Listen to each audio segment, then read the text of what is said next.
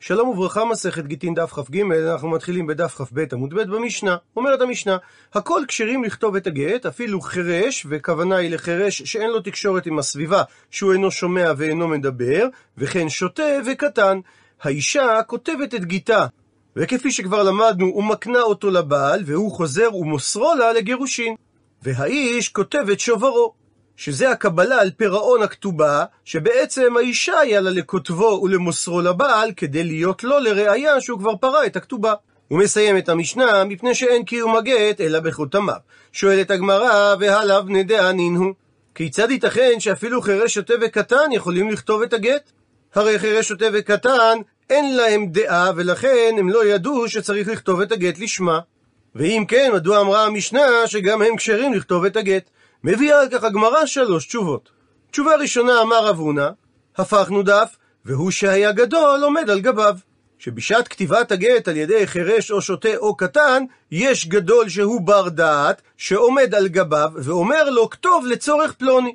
הוא מסביר רש"י שכסבר רב הונא, שהמשנה היא כשיטת רבי אלעזר שמצריך את כתיבת הגט לשמה, והמשפט בסעיפה של המשנה שאין קיום הגט אלא בחותמיו, הכוונה לעדי המסירה, מפני שרוב הגיטין נמסרים בפני העדים שחתמו עליהם, והמשפט הזה מתייחס למשפט האמצעי במשנה, ולא למשפט בתחילת המשנה, שהרי אין כתיבת חירש את הגט כשרה בלא גדול על גביו.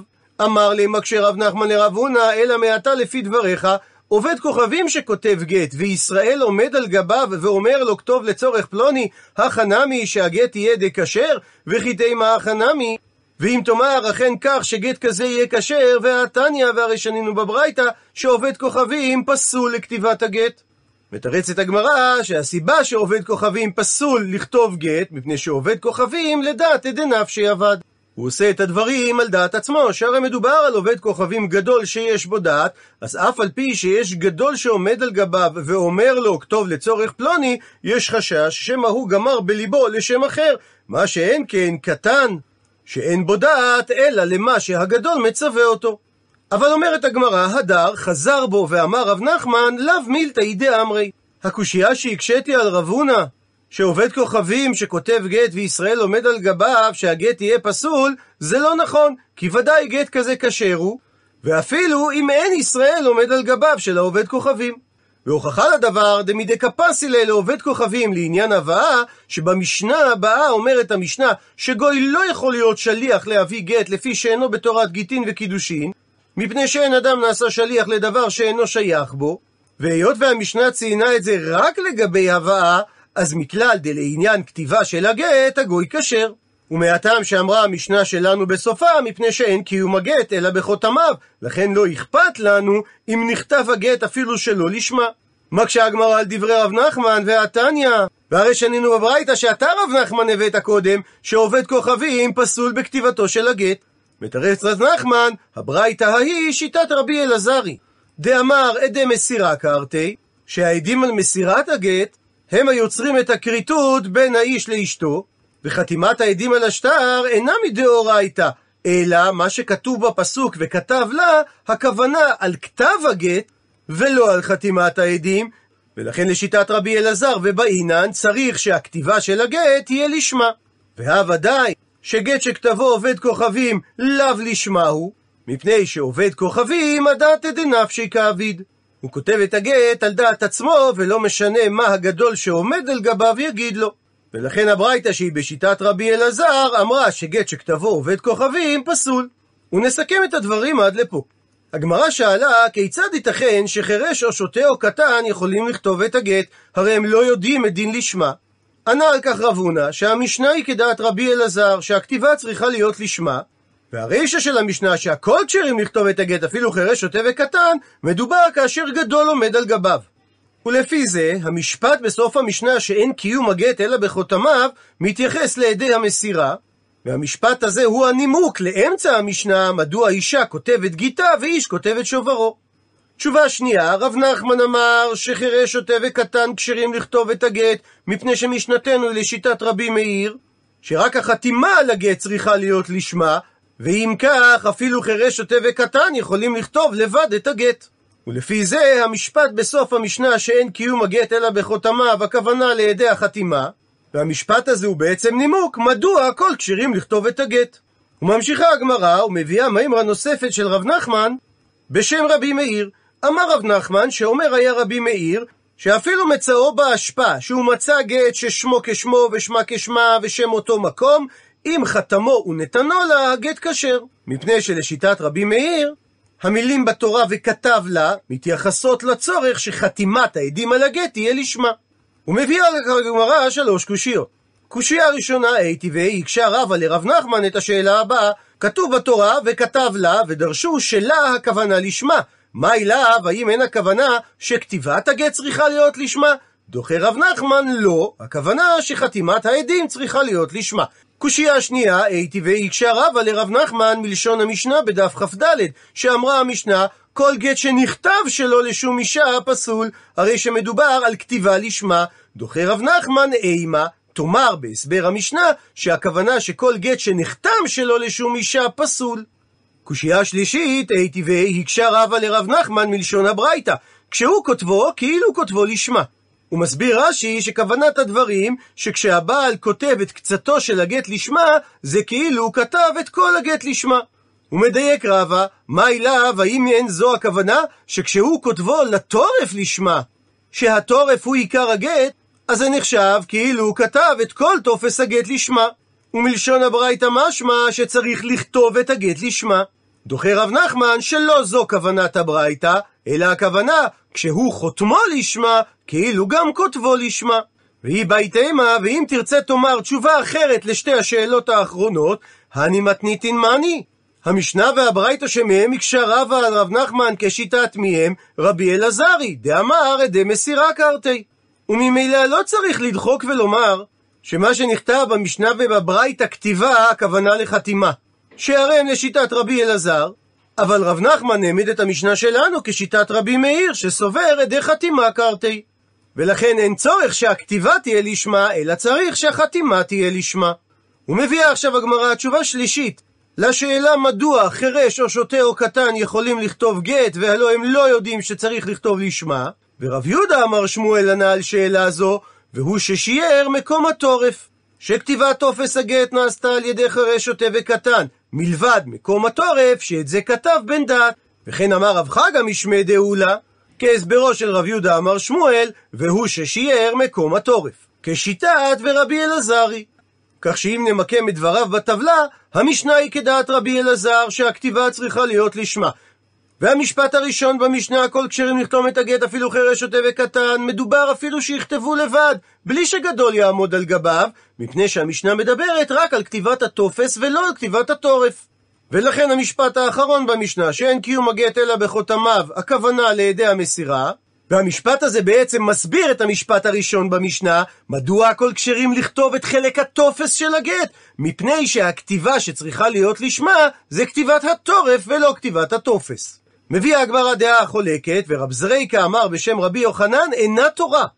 דהיינו, אין שומעים לך שזה פירוש המשנה. ושואלת הגמרא, מאי, מדוע אמר רבי יוחנן שהפירוש הזה אינה תורה? עונה על כך, אמר רבי אבא, שכאן הודיעך, התנא של המשנה, שאין שום כוח לשמה בכתיבה של הגט, אלא רק בחתימה שלו, ורבי מאירי דאמר עדי חתימה קרתי. והיות שהתנא של המשנה זלזל בכתיבת הגט, שיכולים לכתוב אותו אפילו חירש שוטה וקטן, כי הכל תלוי רק בחתימה, אמר רבי יוחנן שמי שרוצה להעמיד את המשנה כשיטת רבי אלעזר, זו אינה תורה. מקשה על כך הגמרא, ואמר רבא בר בר חנא אמר רבי יוחנן, שהמשנה בדף כ"א לגבי זה שאין כותבים את הגט במחובר, שיטת רבי אלעזרי. אז רבי יוחנן סובר כרבי מאיר, או רבי יוחנן סובר כרבי אלעזר? מתרצת הגמרא, אמוראי נינו ואליבא דרבי יוחנן. יש מחלוקת אמוראים שזה רבא בר בר חנא ורב זרייקה, האם רבי יוחנן סובר כרבי מאיר, או שרבי יוחנן סובר כרבי אלעזר. ואומרת המשנה, הכל כשרים להביא את הגט חוץ מחירש שוטה וקטן, וסומה ועובד כוכבים. ובמקרה שקיבל הקטן את הגט מיד הבעל להוליכו לאישה, והגדיל הקטן קודם שמסרו לה את הגט, ואותו עיקרון חירש ונתפכח, סומה ונתפתח, דהיינו חזר לראות, שוטה ונשתפע שחזר לשפיותו, עובד כוכבים ונתגייר, בכל המקרים הללו הגט פסול. אבל במקרה שפיקח קיבל את הגט מיד הבעל, ונתחרש וחזר ונתפכח לפני שמסר לה את הגט, ועל אותו עיקרון פתוח שאינו סומה ונסתמה וחזר ונתפתח, או אדם שפוי ונשתתה וחזר ונשתפה, בכל המקרים הללו הגט כשר, מפני שזה הכלל, כל שתחילתו וסופו בדעת, שכאשר השליח קיבל את הגט מיד הבעל, וכאשר הוא נתן את הגט ליד האישה, היה השליח בר דעת, גט כזה כשר. ושואלת הגמרא, בישלמה נוח לי להבין לגבי חירש או שוטה או וקטן, דלאו בני דהנינו. שאין להם דעת, לכן הם לא יכולים להיות שליחי הבעל להולכת הגט, שהרי לגבי שליחות צריך שזה יהיה איש ולא קטן. שאין בו דעת, שהרי המקור ללימוד דין שליחות, על פי הגמרא בקידושין, מזה שכתוב בפסח, ויקחו להם איש שא לבית אבות, שהשליח שלוקח עבור כולן צריך להיות בר דעת. ועובד כוכבים נמי, גם ברור לי, שהוא לא יכול להיות שליח להולכת הגט, מפני דלאו ברי תרעו, שהרי לגויים אין קידושים ואין גיטים נוהגים בהם, ובדבר שלא שייך לגבי השליח עצמו, הוא לא יכול להעשות שליח עבור אחרים. אלא, סומה שואלת הגמרא, אמי לו, מדוע הוא לא יכול להיות שליח? הרי יש לו דעת, והוא גם שייך בגיטין וקידושין. עונה על כך, אמר רב ששת, שהוא עצמו היה סומה, לפי שאינו יודע השליח שהוא סומה, ממי נוטלו ולמי נותנו. ולכן מבחינה טכנית הוא לא יכול להיות שליח. מה התקיפלה מקשה על כך בשיח עיוורים רב יוסף, שהרי גם הוא היה עיוור? אבל אם כדבריך רב ששת, אז זה אך סומה מותר באשתו. שהרי לכאורה הוא לא רואה אם זו אשתו או אישה אחרת שאולי היא אסורה עליו, ועל אותו משקל, האח בני אדם מותרים בנשותיהם בלילה, כאשר יש חושך והם לא יכולים לוודא שזו האישה שלהם. אלא בהכרח שבני אדם מותרים בנשותיהם בלילה, וכך גם אסומה באשתו, בתביעות אינה דקאלה. שיש להם טביעות עין, הם מכירים בוודאות את הקול של האישה. אז החנמי, כך גם, מדוע סומה לא יכול להיות שליח להבאת הגט בטביעות אינה דקאלה? שהרי יש לו טביעות עין לזהות בוודאות את כל מי שהוא לקח ממנו את הגט, ואת הקול של האישה שהוא מסר לה את הגט. אלא אמר רב יוסף, הכה, כאן במשנה, בחוץ על הארץ עסקינן. מדובר בהבאת גט מחוץ על הארץ לארץ, דבאי למימר, שצריך השליח לומר את הנוסח שתיקנו חכמים, בפניי נכתב, בפניי נחתם, ולא מצי ולא יכול שליח סומה למימר את הנוסח הזה, שהרי הוא לא ראה את החתימה ואת הכתיבה.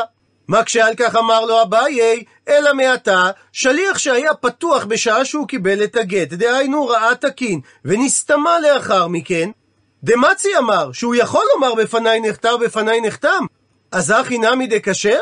האם במקרה כזה הוא יכול להביא את הגט והגט יהיה כשר? והקטני, והרי אמרה המשנה, פתוח ונסתמה וחזר ונתפתח כשר. שרק סומה שחזר ונתפתח, שהוא רואה שוב לפני שהוא נותן את הגט לאישה, אם אכן הוא יכול להביא את הגט, אבל אם לא חזר ונתפתח, הוא לא יכול להביא את הגט. עונה לו על כך רב יוסף, הוא הדין דאף אגב דלא חזר ונתפתח. הוא יכול להיות שליח להבאת הגט מחוץ לארץ לארץ, מפני שהוא יכול לומר בפניי נחתם ובפניי נחתם. והיידה דקטני, ואגב שכתבה המשנה, ששפוי ונשתתה וחזר ונשתפה, שרק הוא יכול להיות שליח להבאת הגט, שהרי תמה דחזר ונשתפה, מפני שהוא בר דעת. הא, אם הוא לא חזר ונשתפה, שעדיין אין לו דעת, הוא לא יכול להביא את הגט. תנא נמי, לכן שנה התנא אגב כך גם את המקרה של שליח שהיה פתוח ונסתמה וחזר ונתפתח. אבל מעיקר הדין, אומר רבי יוסף, שליח שהיה רואה טוב, פתוח ונסתמה לאחר מכן, אפילו אם הוא לא חזר ונתפתח, הוא עדיין יכול להביא את הגט. אמר רב אשי, די קנה מדקטני, ניתן גם לדייק כך מזה שכתוב במשנה בסופה, זה הכלל, כל שתחילתו וסופו בדעת כשר. הרי שהדבר תלוי בסוף התהליך שהשליח יהיה בדעת, ולא קטני, ולא כתבה המשנה, כל שתחילתו וסופו בכשרות שהגט כשר. אז שמע מינה, שאם סוף התהליך הוא בדעת, אפילו שהשליח סומה, הגט כשר. ועוד באותו עניין, באו מיני שאלו מרבי עמי את השאלה הבאה, עבד כנעני, מהו שיעשה שליח לקבל גט האישה מיד בעלה? ותהא האישה מגורשת עם קבלת הגט את גיתה. ואומר רש"י, והוא הדין נמי שהשאלה הייתה גם אם העבד הכנעני יכול להיות שליח להולכה, שהרי זה אותו עיקרון, אלא שאמרה הגמרא את לשון השאלה כפי שהיא נשאלה בבית המדרש. אמר לו, ענה להם רבי עמי, בדקפסילי, מזה שהמשנה שלנו פוסלת לעובד כוכבים מלהיות שליח הבאה, ולא פסלה עבד כנעני מלהיות שליח הבאה, הפכנו גדף, מכלל דעבד כנעני כשר להיות שליח להבאת הגט, ועל אותו עיקרון, עבד כנעני יהיה כשר להיות שליח לקבלת הגט. לעומת זאת, אמר רב אסי שאמר רבי יוחנן, אין העבד הכנעני נעשה שליח לקבל גט לאישה מיד בעלה, לפי שאינו בתורת גיטין וקידושין. ואומר רבנו תם שרבי יוחנן יסביר שהסיבה שהמשנה נקטה שעובד כוכבים פסול להיות שליח הבאה ולא עבד כנעני, כדי להשמיע לנו חידוש גדול יותר, שאפילו עובד כוכבים ונתגייר פסול, אף על פי שבאותה שעה שהוא נהיה שליח, כבר הייתה דעתו להתגייר. וזה חידוש גדול יותר מאשר עבד, שאין הדבר תלול בידו להשתחרר מאדונו. מה תקיף למה כשרבי אלעזר על דברי רבי יוחנן? תמה שטעם הדבר שאמר רבי יוחנן שאין העבד נעשה שליח לקבל גט לאישה מיד בעלה, זה מפני שמדובר במילתא דלייטי, בדבר שאין לעבד שייכות אליו. אה, זאת אומרת שבמילתא דאיתי כשר? שבדבר שיש שייכות לעבד הוא יהיה כשר להיות שליח? והעובד כוכבים? וכן והכותי, דאיתנאו ששניהם ישנם בתורת תרומה דנפשיו, שאם יש להם תרומה ששייכת להם, כגון שנתנו לעבד תבל על מנת שאין לרבו רשות בו, אז העבד או הגוי יכולים להפיש תרומן ממנו ותרומתו תרומה. ועל פי הדיוק בדברי רבי יוחנן, צריך היה להיות העבד או הגוי יכול להיות שליח כדי לתרום תרומה עבור אדם אחר.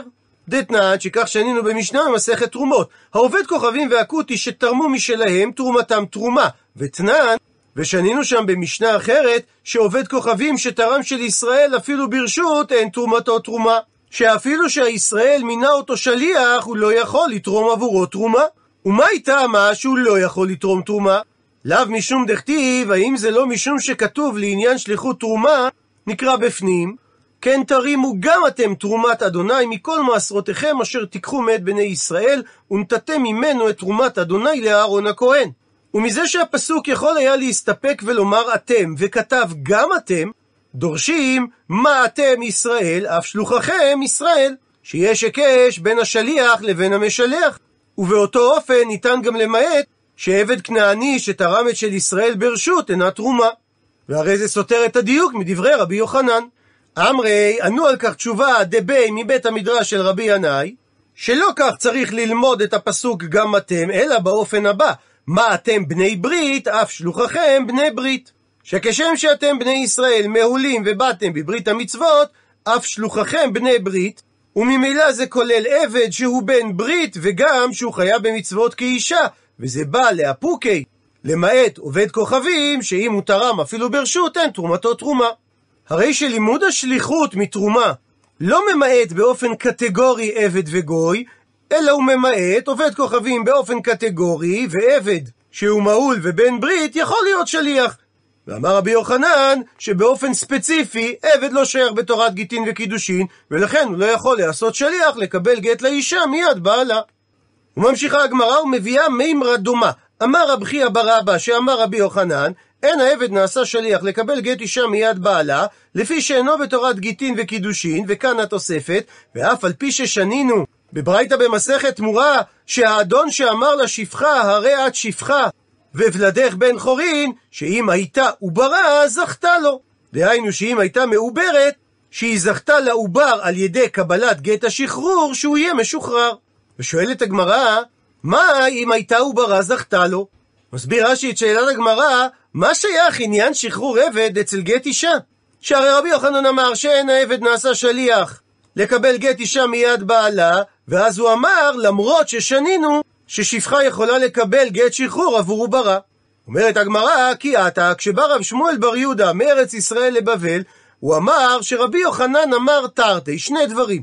הדבר הראשון, שעבד לא יכול לעשות שליח לקבל את גט האישה מיד בעלה. ועוד דבר נוסף אמיר רבי יוחנן, ועל הדבר הנוסף הזה נאמר המשפט, ואף על פי ששנינו הרי את שפחה ובלדך בן חורין, אם הייתה עוברה זכתה לו.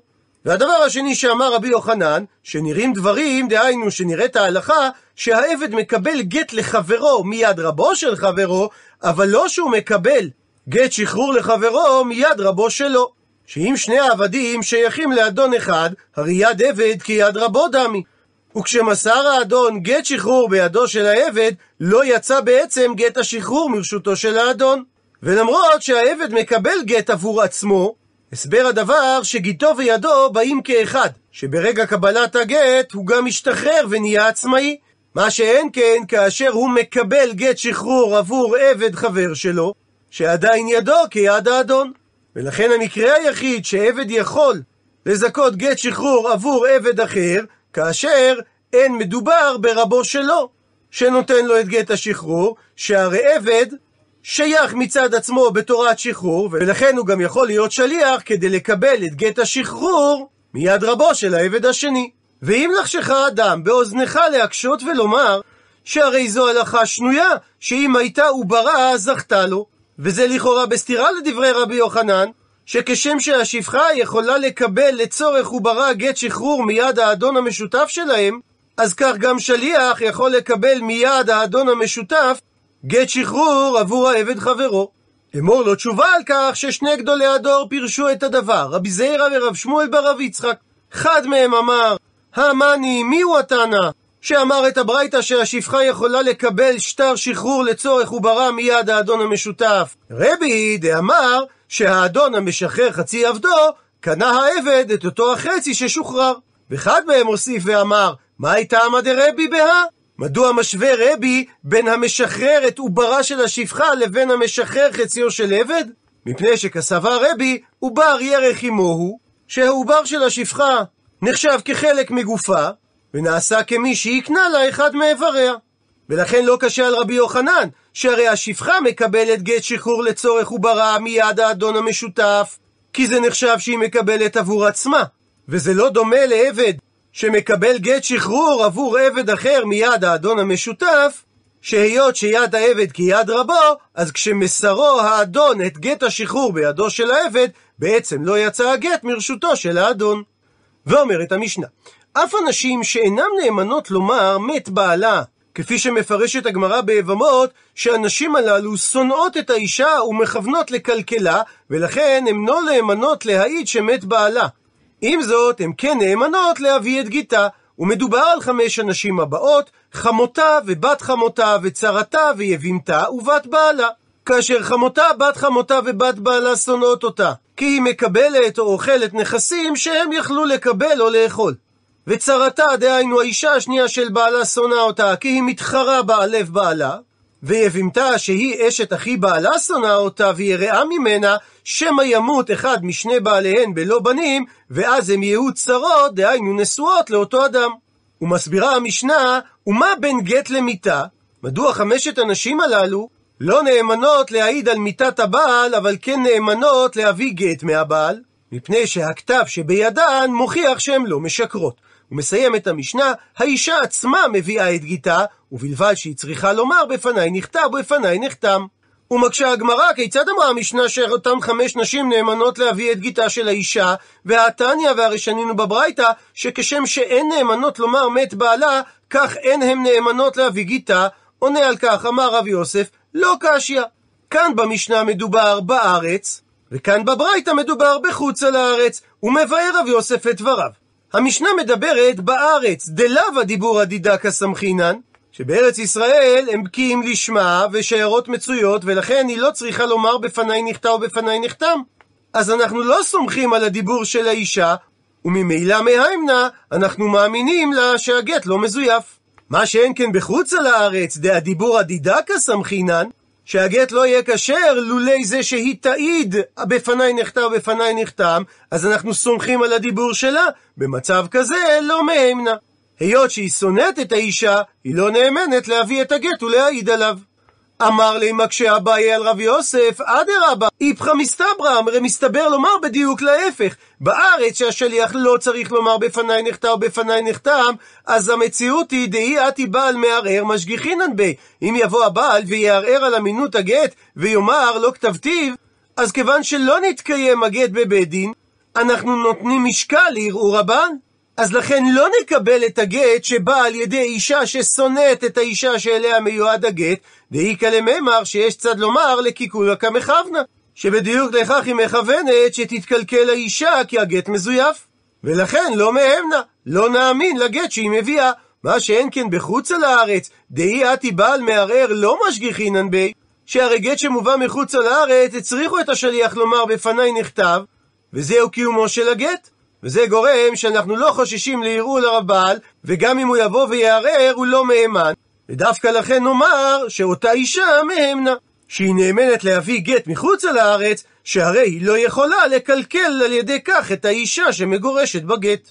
ומביאה הגמרא סייעתא, תניא כבתי דאביי, ברייתא כשיטתו של אביי, שרבי שמעון בן אלעזר אומר משום רבי עקיבא, אישה נאמנת להביא גיתה מקל וחומר. ומה נשים שאמרו חכמים, אין נאמנות לומר מת בעלה, בכל זאת הן נאמנות להביא גיתה, אז היא האישה עצמה שנאמנת לומר מת בעלה, אינו דין שנאמנת להביא גיתה?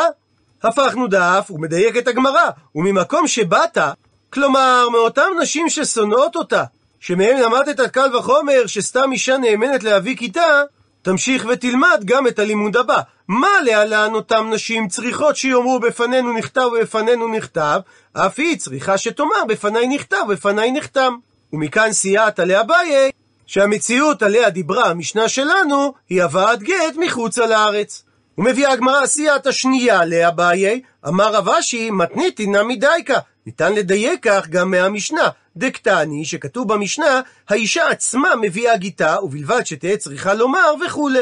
ומזה שסוף המשנה ודאי מדבר על גט הבא מחוצה לארץ, שמע מינה, שגם תחילת המשנה על אותם חמש נשים שנאמנות להביא את גיטה, מדבר על מציאות של גט מחוצה לארץ. וממילא קשה, ורב יוסף, איך ייתכן שהוא מסביר שהרישא של המשנה, דהיינו המשנה הקודמת שאמרה הכל כשרים להביא את הגט, העמדנו אותה בחוצה לארץ. והסיפא של המשנה שלנו, שהאישה עצמה צריכה לומר בפניי נחתם ובפניי נחתם, גם היא מדברת בחוץ לארץ, והמציאתה, והחלק האמצעי, שאף חמש אנשים ששונאות אותה יכולות להביא את גיתה, מעמיד את זה רב יוסף שזה מדובר בארץ? מתרצת הגמרא, אין, אכן כך רב יוסף מעמיד את הדברים. רישא וסיפא מדובר בחוץ לארץ, ומציאתה מדובר בארץ. והוכחה לצורת ההסבר הזאת, ממאי? מדקטני, מזה שכתוב במציאתה של המשנה, ששאלה המשנה מה בין גט למינתה, וענתה המשנה מפני שהכתב מוכיח, ולא הקטני ולא כתבה המשנה מפני שהכתב ופה מוכיח. אבל אם היה מדובר במציאתה בגט המיובא מחוצה לארץ, הרי הייתה צריכה האישה לומר בפניי נכתב. ומזה שהמשנה לא הזכירה את המילה פה, משמע שההוכחה היא רק מהכתב, מה שאומר שהאישה לא צריכה לומר בפניי נכתב, דהיינו שמדובר על גט שמובא בארץ ולא מחוצה לארץ. הוא מסביר רש"י שלאביי לא קשה מדוע המשנה לא אמרה שההבדל בין גט לבין מיתה זה גם כתב וגם פה, היות והוא מסביר שמדובר על גט הבא מחוצה לארץ. כי אביי מבין את שאלת המשנה באופן הבא, מה בין פה דגט, דהיינו בין העדות של האישה שמביאה את הגט ואומרת בפניי נכתב ובפניי נכתב, לבין פה דמיתה, לבין עדות האישה שמעידה על מות הבעל, וממילא התשובה שהכתב מוכיח עמו. שלעדות על הגט יש יותר תוקף, מפני שכתב הגט נותן אמינות לעדות האישה. עד לכאן דף כ"ג.